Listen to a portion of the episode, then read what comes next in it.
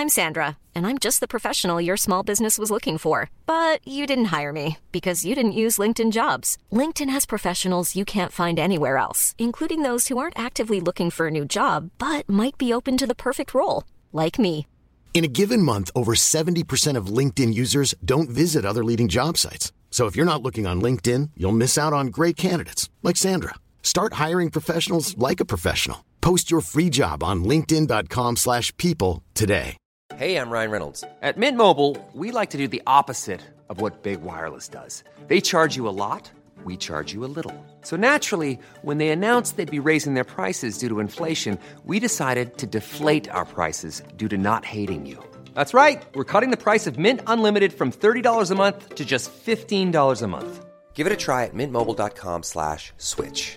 $45 upfront for three months plus taxes and fees. Promo rate for new customers for limited time. Unlimited more than 40 gigabytes per month. Slows. Full terms at mintmobile.com. Hej och välkomna till det 40 avsnittet av Britta och Parisas podcast. Varje vecka snackar vi om eh, populärkultur och aktualiteter för att smälta veckan ihop egentligen. Ja. Och den här veckan Britta har du en väldigt speciell aktualitet. Jag har ett tv-program som har premiär och jag kommer bjuda på icke tv-sänt material. Behind the scenes-skvaller. Och det här är inte godkänt från SVT att du drar det här eller? Nej, och du kommer bjuda på Astrid Lindgrens största douche. Astrid Lindgrens största douche, oväntad karaktär. Absolut. Det blir en hel del filmanalys som kommer. Jag har upptäckt olika störiga saker i olika filmer. Och så Pratar vi om country curious? Vi myntar ett nytt ord. Som vanligt! Välkomna. När podden släpps är det fredag. Men nästa vecka, alltså typ tisdag eller onsdag, jag har inte koll. Den Perfekt. 16. Ja. Jag vet inte vad det är för datum. Jag måste Så rikt det. beteende. Så, alltså så rik stil. Nu ska vi se här. Det är, va? Måndag? Ja. En måndagspremiär, hur känns det? Nej, det känns ju fittigt. Det är på måndag den 16. Då har Kalles och Brittas hälsoresa premiär. Hälsoresa! Det är eh, faktiskt ett tv-program där eh, rollen som Britta spelas av en som faktiskt har levt som en Britta eh, större delen av sitt liv. Mm. Eh, det är jag.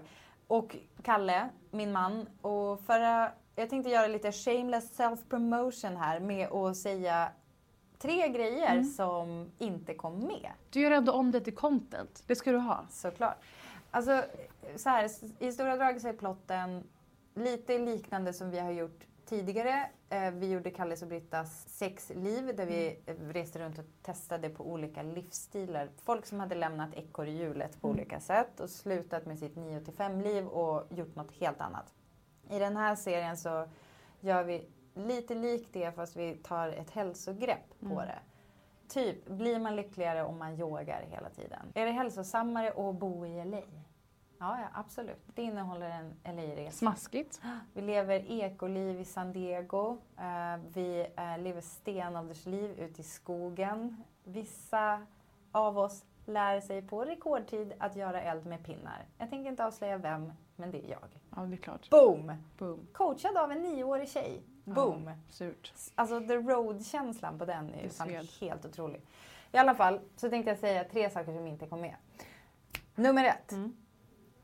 I Los Angeles så tränar vi i ett du vet, alltså bara ett sånt här lyxigt Los Angeles-hus. Med så här sinnessjuk utsikt med en PT som heter Andrea som var helt fantastisk. Alltså typisk så här perfekt LA-tjej. Mm. Det man inte får se i TV, det var Icona Pops hus. Där de bor tillsammans med sina så här kampsportpojkvänner. Typ. De var inte hemma när vi spelade in det här. Men det är, också, det, det är så här, Och ni, ni bodde stort- mitt emot eller vadå? Nej, alltså vi bara lånade deras hus För att träna i. inspelning? Vilket, alltså det var den här PTn som tog dit oss. Och bara, vi bara, vad är det här? Vad är det här för hus med så utsikt över Hollywood-skylten typ? De har fått en riktigt bra eh, location där ja. De, har, de har sålt goda skivor. Det är några sistone. streams. Ja, det är några streams där. Bonusinfo Ja. nummer två. Jag tror att jag har hintat om det förut, Parisa Amiri, Mm. eh, att jag flodde en bäver. Jo tack, och då menar du inte en tjejrunk?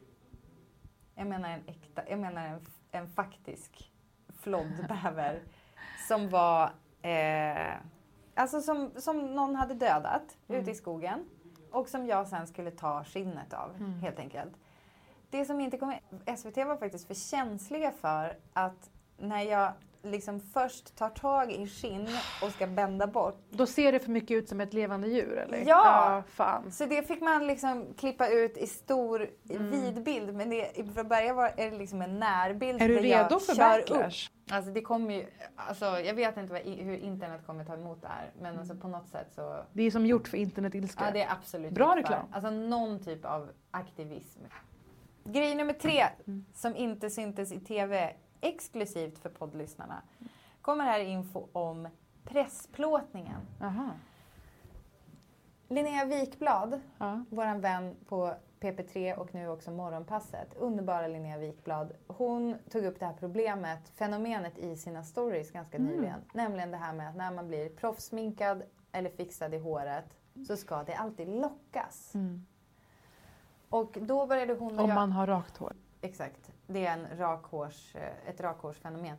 Eh, grejen är att det vet man ju såklart inte om. De allra flesta är ju inte så ofta i situationer där man blir fixad av någon annan. Men det är i alla fall så att det ska alltid fram med någon jävla locktång. Och ska det inte fram med någon jävla locktång då ska det fram med plattång. Nej jag kan göra lockar med plattång. Och så blir det ändå, och jag bara, jag vill inte ha lockigt. De bara, nej nej nej nej det kommer inte bli vågigt. Det blir det ändå. Alltså det blir lockigt.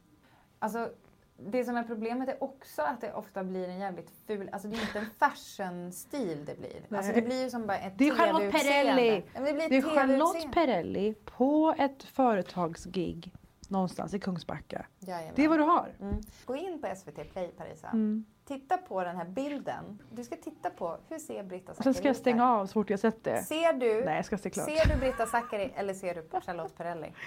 Gud vad roligt. Varsågod för info. Jag har ju precis varit i Los Angeles. Mm. Tills för sådär ett par timmar sedan. Men du, vad heter det, hur har du haft det då? Du har varit Jo. på bröllop. Jag har varit på bröllop. Det var min kompis Rebecca Simonsson. Eller Rebecca Stella heter det ju. Nej, men jag var där och eh, var någon slags eh, eh, snabb visit. Min kompis Rebecca gifte sig. Det var otroligt pampigt. Men alltså, jag tror inte Har du att... följt det här? Ja, men, snälla rara. Alltså, så lång kedja jag till slut var inne på. För jag, Hur som, djupt? Som ammande kvinna så Ja. är det ju också så att man är vaken in the wee hours Mm. när det är bara Instagram som är vaket. Och ibland har jag lite svårt att somna även fast bebisen har somnat. Mm. Åh, vilken fest det var att få vara med på Rebecca Stella Simonssons bröllop. Jag var där med min kompis Gina Dirawi Mm. och hon var en av dem som fick bära släpet. Ja, det var mycket att hålla på med. Frakta släpet till Los Angeles. Nej, Alltså en, en väska. klänning, alltså klänningen, hon hade tre ombyten. Ja. Den första hon hade i kyrkan väger 36 kilo. Handbroderade pärlor. Otroligt intrikat mönster. Typ 75 personer har jobbat på den här. Mm. Förstår du hur alltså, mycket folk det är? Handbroderade pärlor, det var inte bara typ lite runt dekolletaget utan det var... Hela, massivt. Typ, du, åtta meter bakom henne. Men gränsen för att, att ta med sig någonting på flyget är 32 kilo. Så Mm. fick konsultera Arlanda VIP. Att Arlanda har denna funktion baffles me. Jag känner mig kränkt att jag inte visste om det här innan. Jag stod precis anländ ska sägas. Jag hade en sheetmask på i taxin från flygplatsen. Jag fick magsår när jag såg det. Bytte om, sminkade mig på toa. Ja, det vet jag att du gjorde. Och alltså får jag säga det själv? Såg ut som att jag hade varit med ett glam-team i tio timmar. Ja, men bra jobbat. Nej, men i övrigt så har jag väl ätit grönkål, promenerat på stranden, köpt massa CBD-produkter. Har du det? Fick du ta, får du ta hem dem? Det här tänker jag inte gå in på i ett medium. Nej, men, men alltså, jag tror att det är tillåtet. Men, ja. där är det tillåtet. mm, Eh, det finns ju en stor variation. Vi har snackat om, snackat om det att jag gör ett CBD beauty-reportage för eh, L som kommer ut nästa månad tror jag. Ehm, om hur, det, hur den brandingen har funkat. Jag är intresserad av den rörelsen i stort. Hur har det här Och blivit det handlar- omfamnat först nu? Liksom? Och det reportaget handlar inte bara om att man blir så chill med CBD så att man blir liksom härligare i. Jo, utan en, det är en det- grej jag utforskar är gränsdragningen mellan self-care och faktiska resultat. Ja, kul. Och det landar väldigt mycket i det som är det folk inbillar sig med self-care, förlåt. Att feeling good is looking good och Mm. vice versa. Så det är faktiskt intressant när jag säger det själv. Mm. Ett reportage jag har gjort. Alltså Så ibland kan jag känna så här, Köpte en del sånt. vad fan, vad är self-care? Alltså det är så mycket snack. Det här har jag tänkt att vi typ borde Mm. Det är prata om på riktigt. marknadskommunikation. Ja men alltså det är ganska många som pratar om, så här, du och jag gillar ju båda den här podden som heter Still Processing. Och Oh där var det en grej som då tog upp self-care som en typ viktig politisk handling. Mm. Alltså att så här, ta hand om dig själv så du typ orkar gå ut i ditt society och göra skillnad. Typ. Och jag bara, vad fan, vad fan är self Men vi Alltså typ tänd lite rökelse så blir du lite... Alltså är det en grej? Varför ska det kallas något? Allt kan ju gå in under det ja, om det är syftet.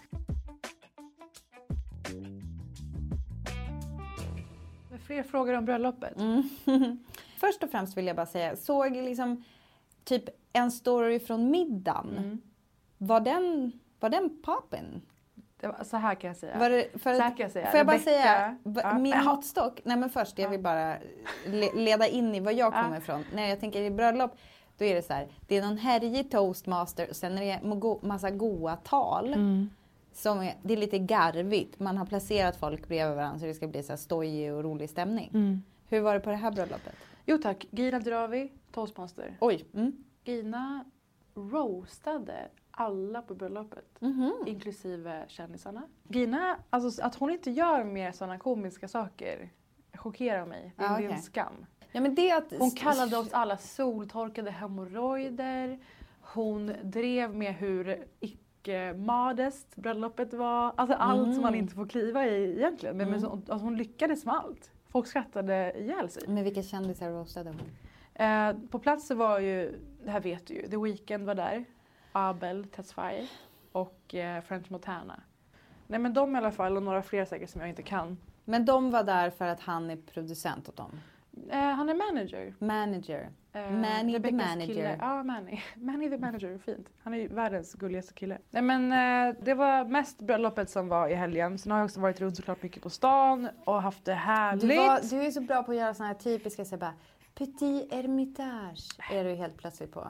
Eller vad säger man, hur säger man på jag, var inte där, jag var inte där den här gången. Jag Var där du inte? I julas. Säg alla ställen du var på. Jag var på, vi bodde på One Hotel, West. Mm. Hollywood. Jättefint. Sunset Tower tycker jag är underbart. Väldigt bedagad Hollywood-glamour. Liksom. Downtown LA? Nej, jag skulle inte Nej. drifta mig till. Nej men var är, var ligger Allt det? det ligger ligger i West Hollywood. Hollywood. Ja. Och så var vi på Chateau Marmont. Kanske det du tänkte på. ja men du hade, alltså du hade Och taggat- Soho såklart. Ja, det kanske Men jag det. taggade inte ett enda ställe. och, och eh, hörde ni alla som lyssnar Men hur hon fan! sa? Och Soho House såklart. Men jag tänkte det måste vara det du menade tänkte jag. Såklart är det det du Britta tänker. Alltså jag, jag går alltid dit när jag På tal om de här, de här grejerna, jag måste berätta om olika saker killar sagt till mig i helgen. Ja. Alltså så här. Förutom Mamacita. Ja, är de är så skamliga alltså. Ja, så har det varit så? Nej, Men så här.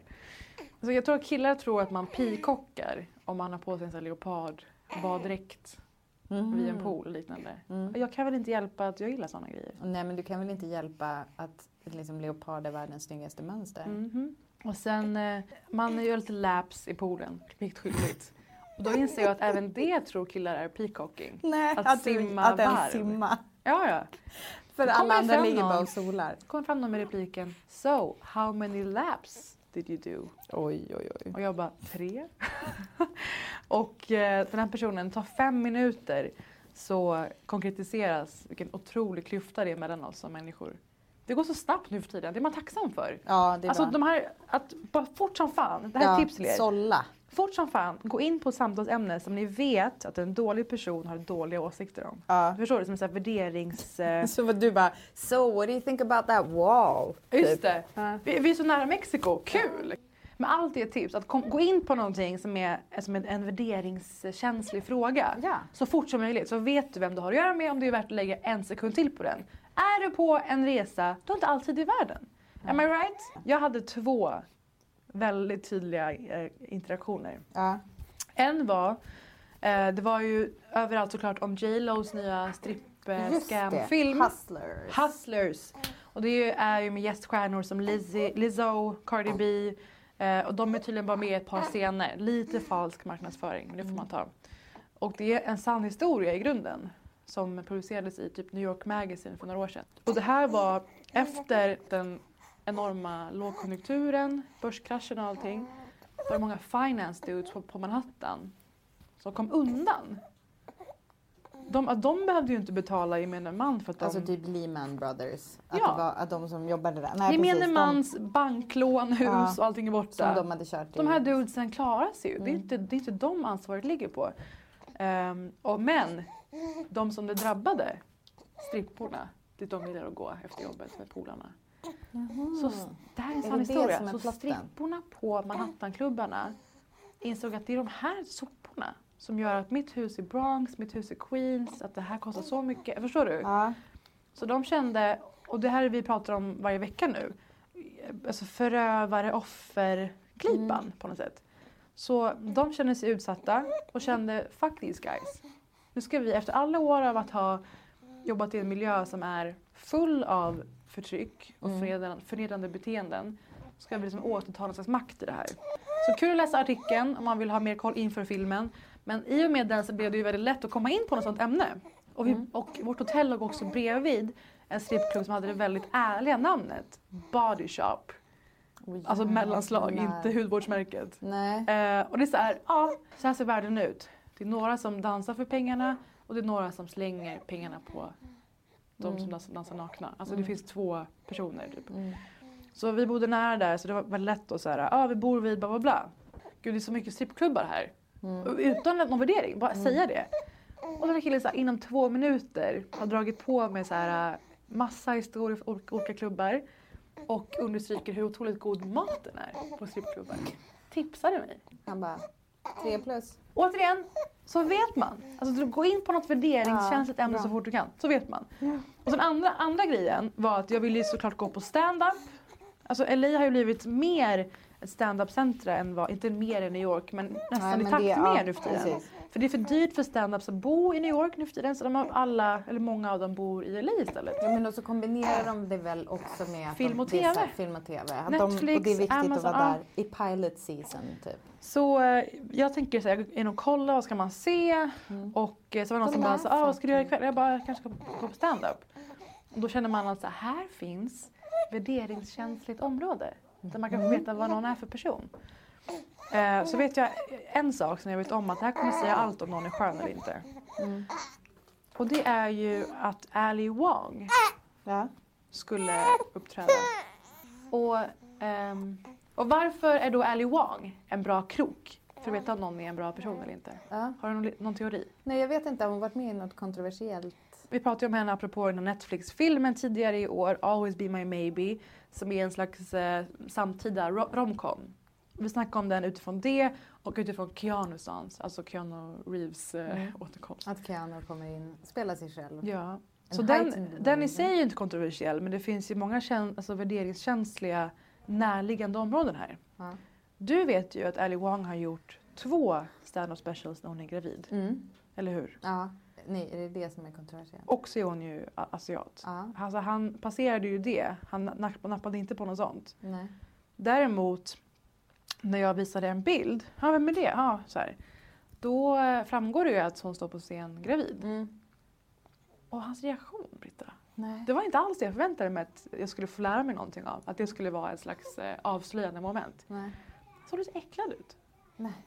Oj, ska, så här sa han, ska en gravid tjej stå på scen och dra skämt? Ja, nej, Som att det var något oheligt. Nej det ska hon inte. Hon ska hålla sig borta från salami, lagrad ost och stå på scen. Men för denna gång, tack ska du ha, eller? Jag, jag brukar typ eh, lite slarvigt säga att jag inte har lyssnat på någon ny musik sedan gymnasiet. Mm. Vilket Du- inte är riktigt sant. Du koketterar ju lite. Jag koketterar lite med ja, Låt oss vara ärliga. Jag tycker typ att jag är som lite tuff med att jag Ja. bara, nej jag har stängt, vilket är ju Vet otroligt det är? inskränkt. Det är ditt har inte ens en TV hemma. Ja det är det. Som är min grej. Ja det är det. Ja. Men eh, ja, det är ju inte sant och när jag träffade Kalle så började det ju faktiskt liksom hjärntvättas in i hans musiksmak lite. Och jag Mm. tror att det är ganska vanligt när man blir ihop med någon som har, lägger till en annan pusselbit. För det blev som att han började, han återupptäckte rap typ Mm. genom mig. Men Kalle har lyssnat väldigt mycket på country och det är väl har väl så smittat av sig på mig och jag har inte riktigt varit så, himla stolt över det. För du vet, alltså så här, säg det du vet om country. Jättemycket. Ja. Nej. Va? Lyssnar du Men mycket alltså- på country? Nej, jag lyssnar kanske inte aktivt på mycket country men jag, jag uppskattar det. det jag gillar med country är den här att det finns som en storytelling-grej Mm. i det. Alltså en av mina favorit, favoritlåtar, alltså det kan handla om hur bra en bar är.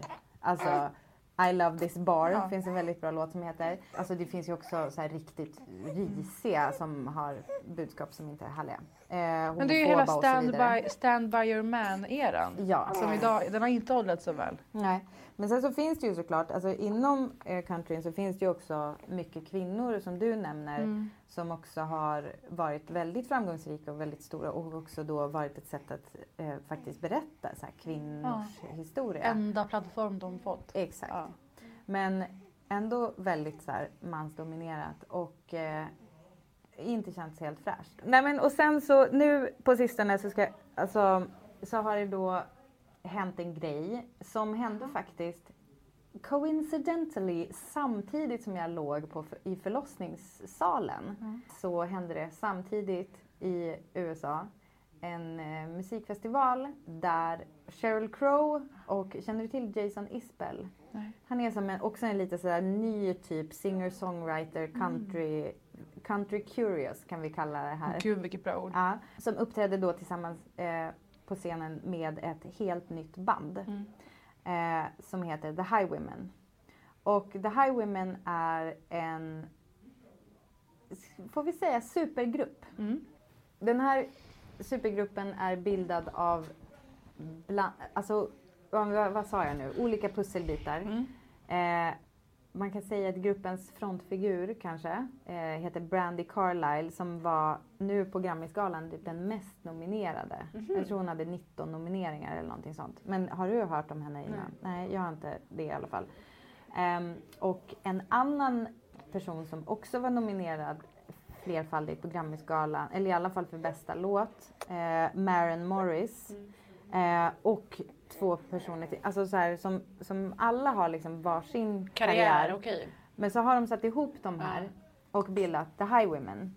Och hur det här ens har nått mig är genom eh, låten som de gjorde tillsammans. För alltså, jag, blir så här, jag blir så peppad så jag får rys. För att för jätte, jättelänge sedan så gjordes det en låt som hette The Highwaymen. Eh, det, eller en grupp och också en låt med alltså bland annat sån här Willie Nelson och typ Chris Christopherson tror jag var med. Alltså en, dåtidens super country, jättestora countrystjärnor. Ehm, som handlar om, ja men det är ju typ såna här klassiska så här, åh jag hade ett hårt liv och sen så dog jag på det här sättet så här.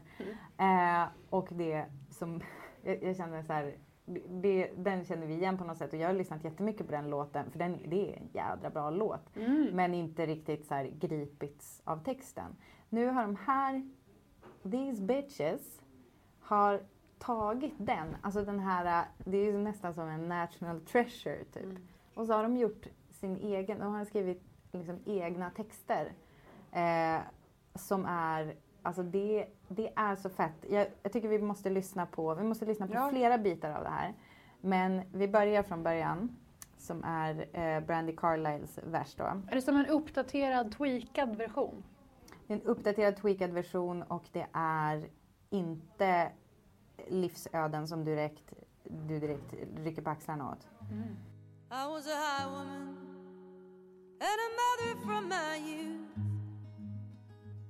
For my children, I did what I had to do. My family left Honduras when they killed the Sandinistas. We followed a coyote through the dust of Mexico. Every one of them, except for me, survived. And I am still alive. Så det, det börjar starkt då med eh, att skildra en familjs flykt från Mexiko. Bara, mm, ganska relevant. Eh, apropå said wall. Eh, sen så fortsätter vi. Eh, det är en, nästa vers så handlar det om en, alltså typ den här häxjakten i Salem. Eh, versen efter det är den, alltså den Det är som en antologi över olika amerikanska kvinnors bakgrunder. Exakt. Ja. Känner du till The Freedom Riders? Nej. Det var en rörelse 1961 där, alltså det är liksom civil rights activists som, eh, det har att göra med det här att det är seg- segregerade bussar. Så de satte sig på bussarna och liksom åkte, ty, alltså som protest, typ Rosa Parks-grejen. Eh, och eh, här i Paris så, kanske, så händer någonting som inte händer så ofta. Det måste jag ändå säga så här. Det är en svart kvinna som sjunger en vers i en countrylåt. Och det är så bra så att jag håller på att dö. Freedom rider when we thought the South had won. Virginia in the spring of 61. I sat down on the Greyhound that was bound for Mississippi. My mother asked me if that ride was worth my life. And where the shots rang out, I never heard the sound, but I am still around. I'll take that ride again and again and again. Alltså det är liksom, det, det, är så, det är så fett och det är alltså olika, ja men, olika berättelser om kvinnoöden och människor som har kämpat för saker och att de lever vidare genom historien. Eh, och det är, så, det är så vad det betyder både i det här, alltså det de gör med texten men också vad det betyder att de, just de här kvinnorna gör det med just den låten. Och eh, med, eh, eh alltså sången avslutas We. We carry the sons you can only hold. We are the daughters of the silent generation. Alltså just det där, så här, we sing the story still untold. Att det här är, alltså genom countrymusiken så har man ju en möjlighet att, att verkligen ta historier, alltså ge röst åt folk som kanske inte har en. Eller att man berättar just, alltså jag vill höra mer, jag vill höra den låten som handlar enbart om flykten från Honduras till USA. Och vad som händer då. Liksom. Alltså det är ju det är ju så, jag tycker det är så fruktansvärt härligt att det händer. Och att det händer med en sån, sånt gäng brudar. Det är ju typ som Destiny's Child liksom, fast i countryvärlden. Det är så jävla roligt. Och eh, det, ja jag vet inte, jag blir liksom, det känns som att det är typ våras för countryn. Okej Britta, du vet ju att när jag har varit bortrest så innebär det att jag äntligen har fått göra det enda jag vill göra. Och det är att konsumera väldigt många minuter av tv och film. Ja. Och eh, jag tänkte dra igenom allt jag har kollat på, lite så halvkort mot vad jag, jag skulle kunna prata ett helt avsnitt om varje film. Mm. Eh, och presentera för varje grej en, en liksom tanke eller känsla. Och eh, den första har du säkert hört om. Longshot. Mm, nej, eller? Den prem- hade premiär i maj tydligen. Går inte på bio längre i Sverige. Nej men, Men alltså vad händer med svensk bio? ja, Filmen går i också- tre veckor här. Ja men det måste ju också vara att den är pissdålig. Men det betyder att det finns på massa eh, streamingtjänster med andra ord Perfekt. säkert. Och vi pratade ju för några avsnitt sedan om hur Adam Driver har vuxit som skådis. Mm. Sen hans nästan, nästan karikatyraktiga Adam i Girls. Mm. Nu är han mångsidig men ändå med bibehållen egen känsla. Mm. När man vet om att Adam Driver är med i en film då fattar man ungefär vart det ska. Eller hur? Oavsett roll. Ja fast Adam, ja precis. Ja. Mm. Och någon som har lyckats med det är ju en av filmens stjärnor, Charlize Theron. Hear me out! Mhm. Hon har gjort Mad Max, mastodontfilm, actionhjälte. Mm. Hon har gjort Monster, brutal, rå, fruktansvärd Första historia. gången en snygg tjej var en ful tjej i en film. Tog mycket jobb att få, få klart det. Ja. Och så det här, de här senaste filmerna hon har gjort som har varit mer åt det så här, samtida, när man är less och ganska krisig humor om brister och besvikelse. Som Young Adult och Tully. Hon blev ju Just väldigt det. Mm. hyllad för båda de filmerna. Nu förenas Charlize Theron med Seth Rogen i den här filmen där hon spelar en polerad utrikesminister i USA. Hon har offrat all liksom, framtid, privata intressen, dejta, ragga. Fattar inga samtida populärkulturreferenser. Hon är bara helt inställd på Mellanöstern, kriser och sånt. Eh, Är, det som, är det som du i På spåret säsong? Ja, året runt. Eh, och allt det här för att nå sina mål inom politiken. Och vad händer då? Jo, en inkompetent, korrupt president eh, blev president för att han är skådis och spelar president i en jättekänd tv-serie. Men det är Does som it sound familiar? Ukraine. Ja, verkligen. Eh, och det är alltså Bob Odenkirk som Jaha. folk älskar från Better Call Saul Mm. och eh, Breaking Bad såklart. Så spelar den här presidenten som är en skådis egentligen. Och det är väldigt talande tycker jag att den, den som gör allt jobb och kan allting får vara någon slags krycka till den här jävla show-off-idioten. Mm. Seth Rogen spelar idealistisk på gränsen till martyrdemokrat. Alltså så här, du vet, jättehögfärdig. Ja. Journalist som säger upp sig från sin independent site där han skriver om politik. Och alltså long shot, begreppet, du anar ju säkert vart det här är på väg. Nej. Men att någon är out of ens League.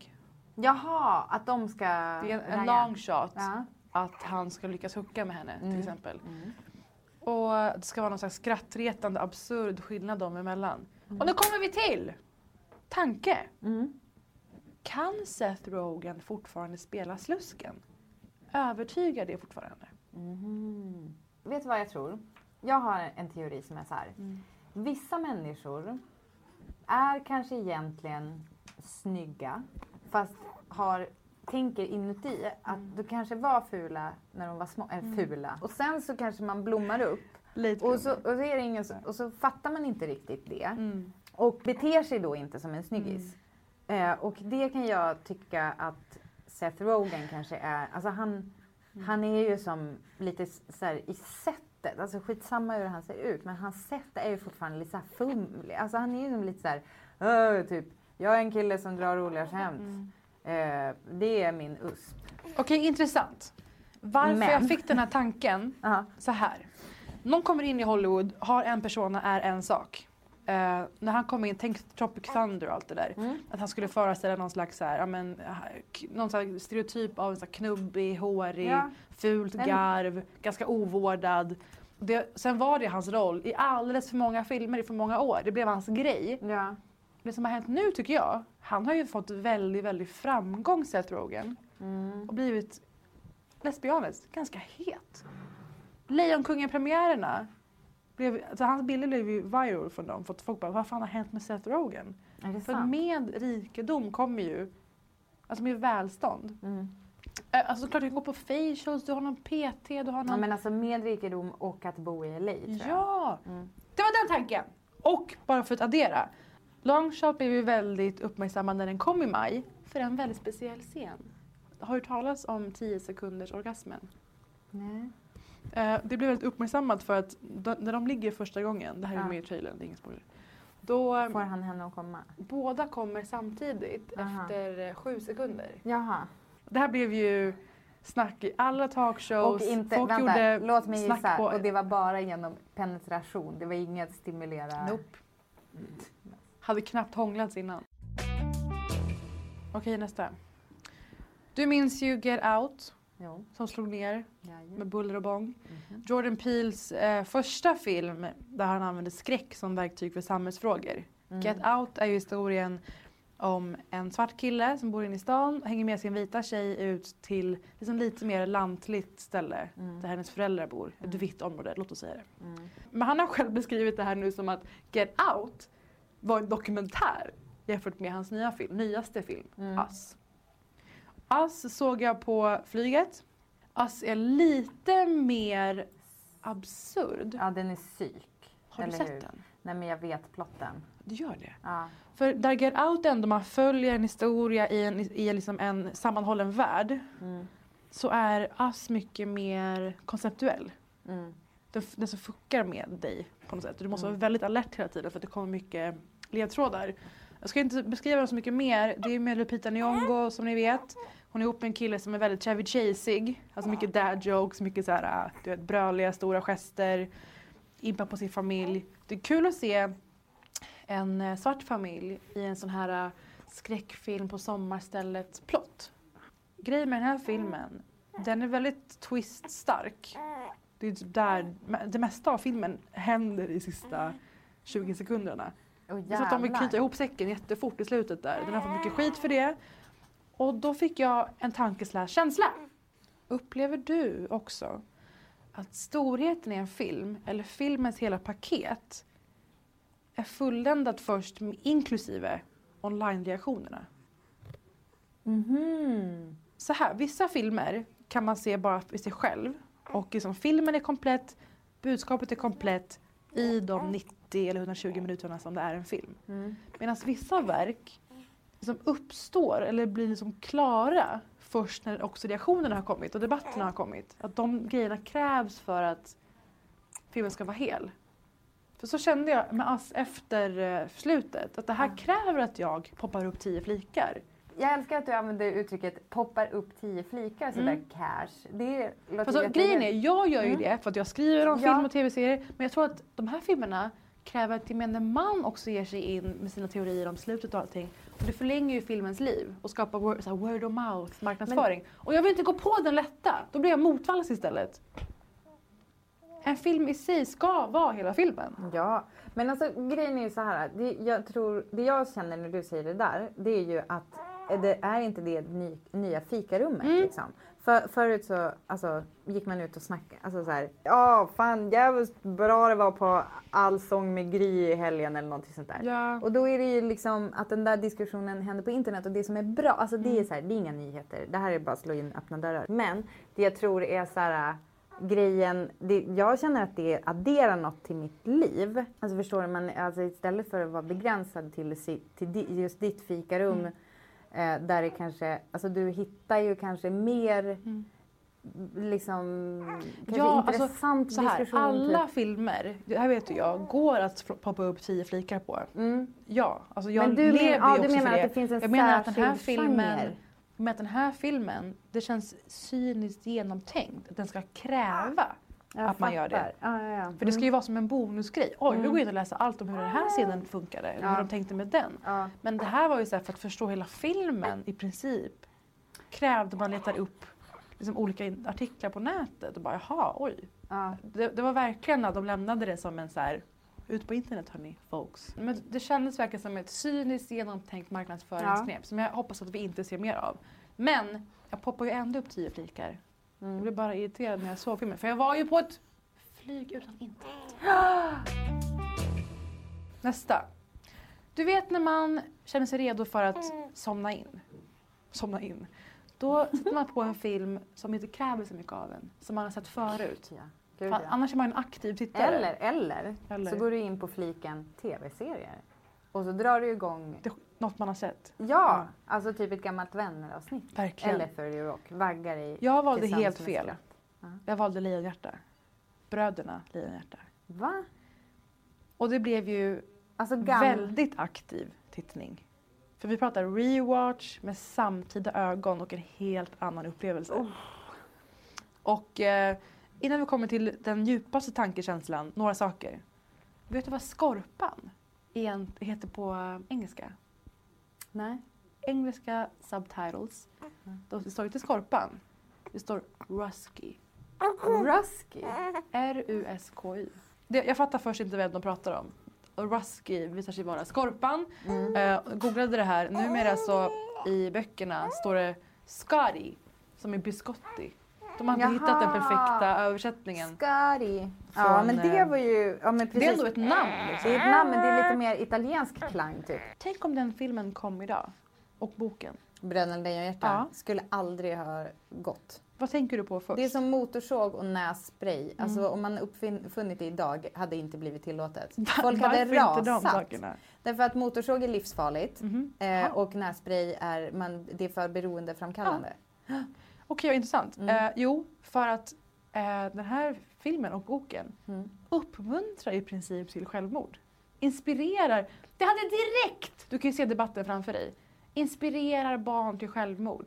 Eller att, att det, det problematiserar inte tillräckligt. Förstår du? Men alltså, och få döden att verka ashärlig. Det är ju svinfett. Det hade blivit otroligt När man ramaskri. väl har knäckt den där koden att Nangijala är dead people, då är det liksom, då verkar det svinnice. Tanke slash känsla. Ja. Skorpan målas upp som oskyldig när han i själva verket är Satan. Är det sant? Jag ser den här och sitter och skriver febrilt i min telefon allt som jag, allt som jag stör mig på när jag ser filmen. Han är sjuk i tuberkulos i verkliga livet. Han är svettig. Då fattar man, han ska dö. Och minns du detta då? att Skorpan var bedrövad över att han skulle lämna efter sig sin friska storebror på jorden. Ja. Skorpan står inför döden. Den liksom precious tid de har kvar med varandra shamear han Jonathan för att han ska fortsätta leva utan Ja. Skorpan. Jävla that Så här, asshole. han är så här grinig över att han kanske behöver, måste vänta i dödsriket medan Jonathan går och blir 90 år gammal. Vad fan ska jag göra där, säger han Ja. i princip. Ja. Då, alltså brorsan Jonathan kanske lever ett fullt liv, rikt liv. Han kanske skaffar egna, egen familj. Han kanske har en tjej. Han kanske eller liksom har ett, ett fullmatat underbart liv på jorden. Mm. Och Skorpan unnar inte honom det. Nej. Utan livsshamear Självisk. Jonathan. Ja. Det händer. Så och då ego. tänker jag, det här är en vidrig person. Mm. Och det finns en motsvarighet? Vet i nutid. Nej, men jag, Ja. jag, jag kan dra en parallell till. Det är en sån där som säger typ, eh, alltså en sån här kompis Mm. som säger, eh, alltså, när, säger åt en att ha fula kläder. Alltså så här, bara, du är jättesnygg i den där klänningen som Mm. man egentligen är ful i. För att, den, för att man inte ska outshina. I alla fall, sadist Skorpan, den vidriga ungen, eh, tänker inte ta det. Unnar inte sin bror att leva vidare. Eh, och du minns ju vad som hände sen. Innan Skorpan hinner dö, en sjukdomlig död. Ja. Minns du vem som dör först? Det är ju Jonathan, men är det, det är någon olycka, det är någon eldsvåda eller någonting. Lägligt nog. Alltså, Lägligt Du är så nog! cynisk. Ja. Lägligt nog. De futtar på hela kåken. Jag kände, vi har helt missförstått historien om de här bröderna. Vi har helt missförstått. Det här är en codependent, klängig, gränslös sadistunge Mm. som fick sin, sin bror att offra sig för honom. För att han visste att han skulle dö snart. Han behövde bara bli av med Jonathan först. Mm. Am I right? Så Skorpan lever i två månader till efter att eh, Jonathan då dör för hans skull. Han räddar ju honom ut ur elden. Säger han inte också vi ser sin Angiala, Jonathan? Lite nöjd över det. Får jag bara fråga, det här är alltså inte en ny filmatisering utan det är liksom den, gam, Den gamla. filmen ja, eh, vi vet ju på- det. Thomas Alfredsson har tagit sig an att göra om den här filmen med stor budget. Har inte blivit av. Det verkar vara ett väldigt svårt projekt. Jag tror han har försökt två gånger att få igång en riktig Hur produktion. försöker man och sen, ja. Det är så mycket som ska till. Det är ju alla små, små delar, men han har i alla fall rättigheterna. okej. Vi får se. I alla fall, tack för ingenting Ruski. Och se om den här med samtida ögon om ni vill hata sadistskorpan. Den här är ju väldigt efterlängtad för oss båda. Ändå tror jag att jag var först med att se den. Och det är såklart Late Night. Ja, jag har inte sett den. Late Night kombinerar ju många av våra intresseområden. Eh, förutom att det är film uppenbarligen. Så handlar det om Late Night-scenen. Alltså alla Late Night hosts. Från Seth Meyers till Fallon och allt vad det heter. Men där Emma Thompson istället är en sån legendar eller ikon på den scenen. Tänk Letterman. Har hållit på i 30 år. Och eh, Mindy Kaling har skrivit filmen och har en av rollerna. Och det som är är att Emma Thompson eh, finner sig i en ny samtid. Apropå Letterman snackade vi ju sist om Kanye West. Om att det är så tydligt att det är hos Kanye West villkoren ligger numera. Om inte Kanye är nöjd med produktionen så får de inte lägga ut det och sådär. Ja, just det. Mm. Och det märks också i den här filmen att det är de här unga sociala mediestjärnorna som dikterar den här scenen nu med late nights. För att Mm. få virala klipp, tramsa på TV. Ha någon tjej som är känd från en vampyr high school-serie där. Man ser hur Emma Thompsons karaktär dör själsligen inom, inombords. Eh, men det som är min tankekänsla. Att filmen snuddar vid fenomenet kvinnor som hatar andra kvinnor. Mhm. Det är ett helvitt, helmanligt gäng som skriver showen från start. Så som det ser ut. Alltså alla de här John Oliver, alla man ser. Det är ju mycket snack om det. Eh, De där rummen är fyllda av killar som har gått på Harvard, bor på Manhattan, allt det här med sina föräldrars pengar. Mm. Kör någon slags stand-up på kvällen, har en podd säkert, kör grå hoodie under blå kavaj. Men du ser dem framför dig. De Ja. slags ny jappie, kulturjappie typ. Mm. Och apropå att de är irrelevanta, tappar publik, får de panik och säger jag måste få in en kvinna. Och då kommer Mindy Kaling. Hon kommer från en, liksom, en fabrik men är så ihärdig och kvinna och indier att de bara vi tar in henne. Det kommer se bra ut. Men förlåt, men vadå? Hon har inte gjort någonting, alltså hon har inte, vad, vad sa Hon är inte alls aktiv inom varken komedi eller att skriva Nähä. för Hur vet tv-serier. de att hon är rolig då? De bara plockar henne. Det gör de knappt. Hon är så, i, hon är så ihärdig Mhm. att hon vill gärna göra det. Ja, okej. Att de, så här, och att hon är som så här, kvinna och Mm. indier. Mm.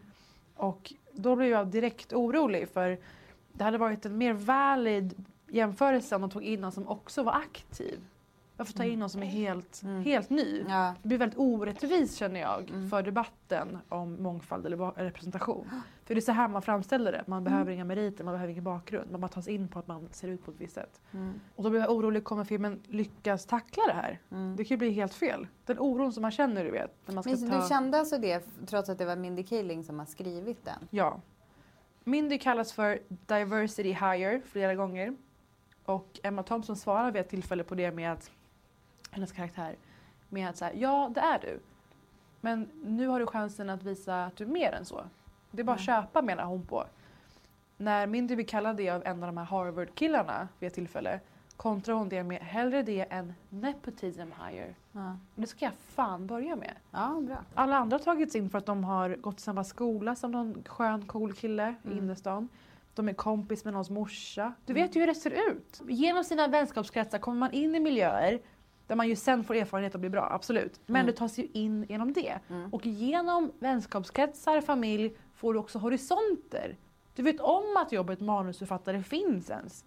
Jag tycker det var skitbra kontring. Ja men precis men alltså det är ju också så här, nu behöver ju inte, Mindy Kaling har ju skrivit, hon har ju hittat på det här och man måste ju få hitta på en story som Mm. man vill berätta. Men jag blir lite så här, vad vill hon säga med det då egentligen? För hennes egen historia är så jävla mycket roligare. Det hon och en polare gjorde vad gjorde de då för sketcher? Jo, de gjorde Matt Damon och Ben Affleck sketcher. Alltså det är så jävla kul att ni vet, alltså så här, Mindy Kaling ser ut som Mindy Kaling och hon har, om hon nu var Matt eller om hon var Ben, jag minns inte. Men att de bara körde på det och fick liksom en publik genom det och så vidare och har liksom hela tiden haft det här Men- komiska intresset och så vidare. Hon har också gått på Dartmouth, ja. Ivy League College. ja, men menar du alltså typ att ingen vill höra... Den här tjejen i filmen kommer direkt från en så här, hon är ju bara admin på en fabrik. Ja, Ja. precis. Men jag, ja. Jag säger inte att hon måste göra en fin film. Men när man tar upp den här frågan om diversity hires, man själv lyfter den och då tar in någon som faktiskt är okvalificerad. Mm. Förstår du? Mm. Det är ett tufft läge. Sen är frågan hur man tar sig an det, hur man, Ja. hur man löser det. Jag Och jag tycker att kontringen, nepotism hire, var så intressant. Och jag Jo. blev chockad att jag inte har tänkt på det själv förut. Mm.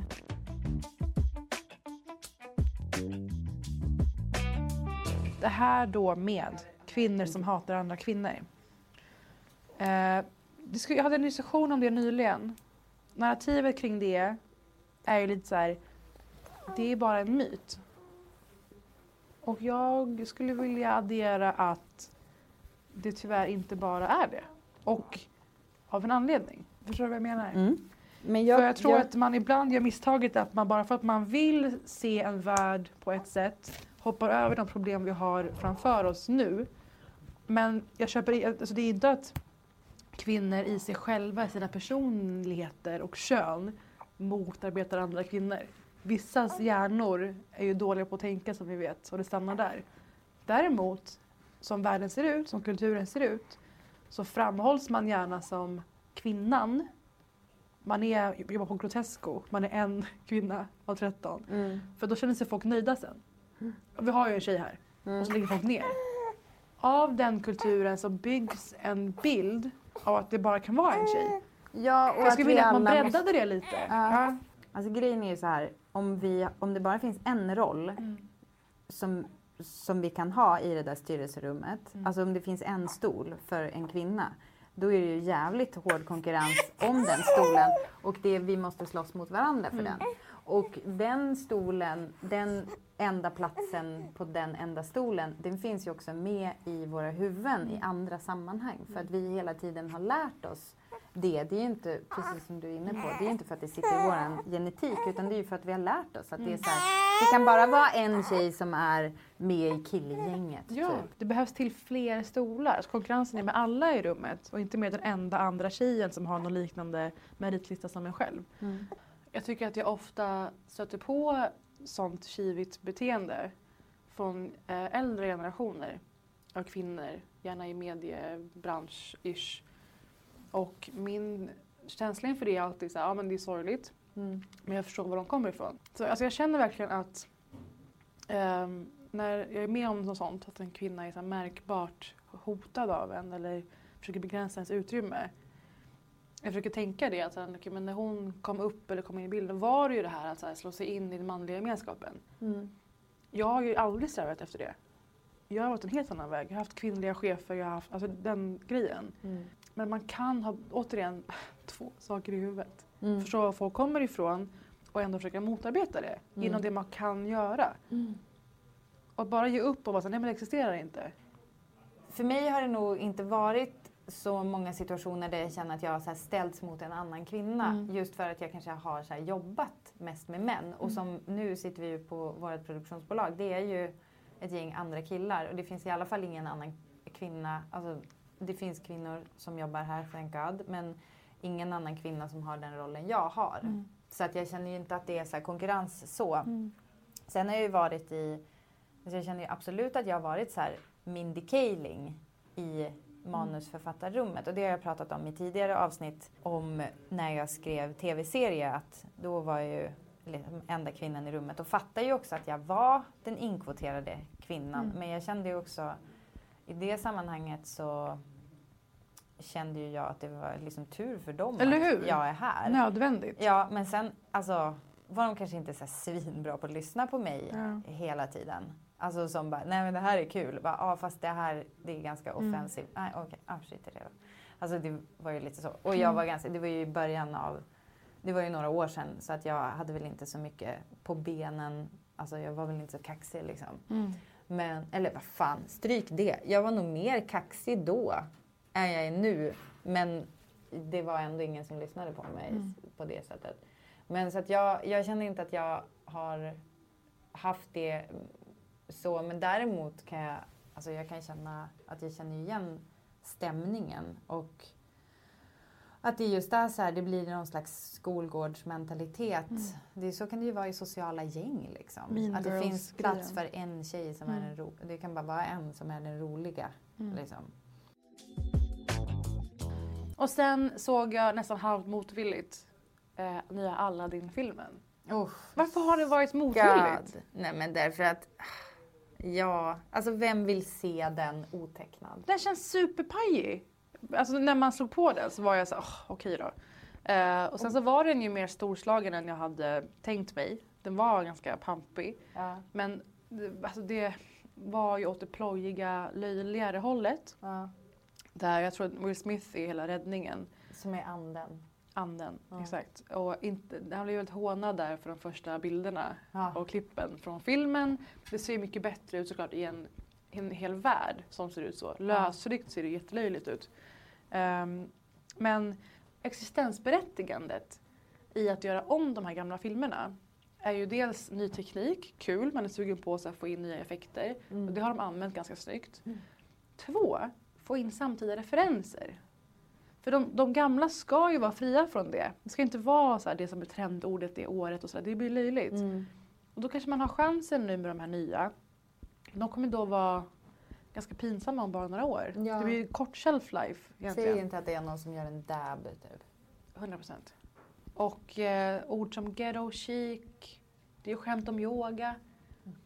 Så du, du vet, samtida referenserna strösslas. Jag försökte, försökte köpa det med tanken att så här, men det här ska väl vara med för att något ska det vara nytt med de här filmerna. Liksom. Men tankekänsla av Aladdin. När folk ska spela Mellanöstern utan att de faktiskt är det. Nej, är det sant? Och det här är ju en jättedjup fråga, alltifrån eh, transparent. Ska en icke-transperson spela en transperson? För då tar man dels en roll från den personen eh, som aldrig får någon representation och har en annan kompetens om man är det. Och är det som, alltså förlåt men det, Ja. det som var så hemskt med Transparent var ju också att det visade sig att det var en människa som var liksom ganska hårt metoo-anklagad också. Mm. Jeffrey Tambor. Ja. Just det. Eh, just med den ja. Men det här är ju en överlag en fråga. Kan man spela X om man inte är Mm. det? Scarlett Johansson var ju ute och vevade för några veckor sedan. Menar på att hon blev felciterad. Jag tror inte det. Hon har ju spelat, hon har ju whitewashat en del asiatiska roller. Eh, och var ute och vevade om att jag borde kunna spela ett staket eller ett träd om jag vill det. Som att det är samma sak. Åh. Men i Aladdin, jag googlade efteråt vad folk hade för bakgrunder. Mm. För att jag tycker att de såg i alla fall väldigt västerländska ut i sitt utseende. Mm. Även om man har liksom en komponent, 15% whatever. Det är liksom att det ska vara, nu säger jag det, Mm. det ska vara pyttesmå västerländska näsor i den här filmen. För mig så var Jasmin, det här är så sorgligt, Jasmin var den enda representation jag hade när jag växte upp. Mm. Förstår du? Mm. Enda jorden. Ja. Allt annat var alla mina kompisar. Ja. Jag fick alltid vara Scary Spice, Ja. alltså en svart Men kvinna, gud. eller Jasmin. Ja. Eh, eller Esmeralda. I och för sig. Starkt. Det, I Ringen i Notre Ja. Och eh, jag googlade allihopa. Prinsessan Jasmin då är halvindisk. Alltså hon som spelar prinsessan Jasmin. Ja. Men hon har ett väldigt västerländskt utseende. Mm. Liksom jag är halvpersisk. Mm. Inte fan ser jag svensk ut. Det slår ju ut olika. Ja. Så då är det så här, det är också ett trubbigt verktyg att bara kolla på någons föräldrar. Ja. Utan så här, kan den här personen övertyga den som en arabisk prinsessa? Men är det inte konstigt också att hon är indier? Alltså om vi ändå ska gå... Nu, i är det sig- fel om jag känner det här? Det för, alltså för, ja precis. Nej, det tycker jag inte. Jag hajade till. Ja. Och de andra då? Hur var resten? Aladdin? Nassim Pedrad är med. Alltså hon var med i SNL i många säsonger. En, Ja, en just det, ja. faktiskt. Var jätte, var jag stolt. Ja. Då var jag stolt. Ehm, och eh, Aladdin själv har ju ett väldigt liksom Paradise Hotel-utseende. Du för, för, förstår vad jag menar? Han ser ut Ja, som jag fattar vad du Samir menar i princip. Paradise Hotel. Jag vet inte hur Aladdin minus ett spraytan-lager. Mm. Men det tycker jag passar Ifrån med Samir. Disney Aladdin. Ja, men han var ändå ganska bra. Men just det här med Jasmin då. Mm. Och i den här känslan går jag sedan in på Instagram. Där en tjej, ska inte hänga ut henne, har postat om den nya serien Heder. Du har ju hört om Heder. Ja. Det är serien med fyra framstående skådisar. Eva Röse, Jag var rösa. Anja Lundqvist, Alexandra Rappaport och Julia Duvenius. Mm. Och i den här känslan så ser jag att hon sen eh, understryker att Alexandra Rappaport spelar något som heter Nour Navidi. Den där drar jag efter andan. Ja. Och skulle du säga att du känner att det är en rak koppling mellan Alexandra och att spela en Nour Navidi? Nej. Som är ett väldigt, låter persiskt, Ja, kurdiskt namn. liksom. Ja.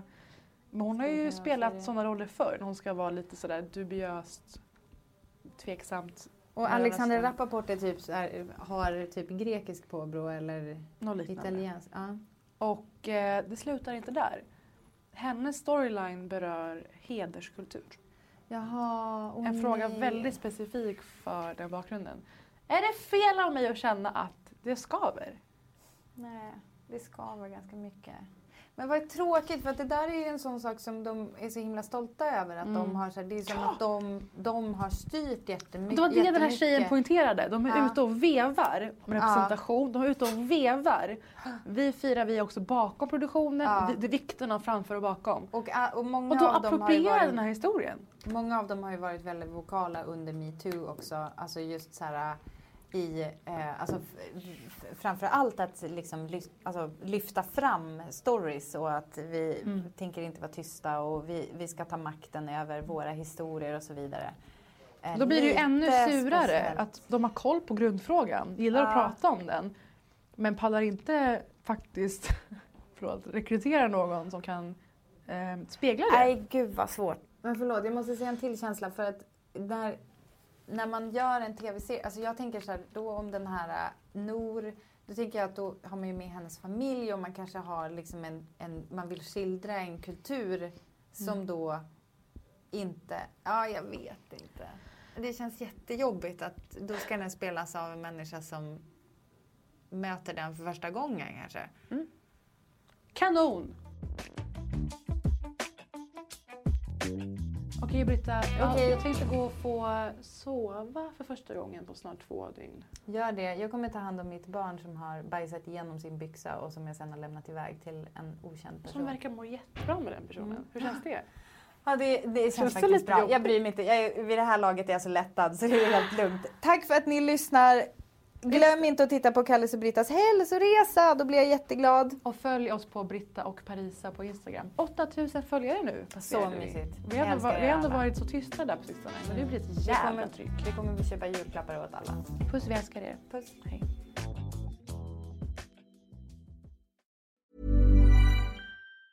Hi, I'm Daniel, founder of Pretty Litter. Did you know cats tend to hide symptoms of sickness and pain? I learned this the hard way after losing my cat, Gingy. So I created Pretty Litter, a health monitoring litter that helps detect early signs of illness by changing colors, saving you money and potentially your cat's life. Pretty Litter is veterinarian developed, and it's the easiest way to keep tabs on your fur baby's health right at home. Go to prettylitter.com and use code ACAST for 20% off your first order and a free cat toy. Terms and conditions apply. See site for details. Even when we're on a budget, we still deserve nice things.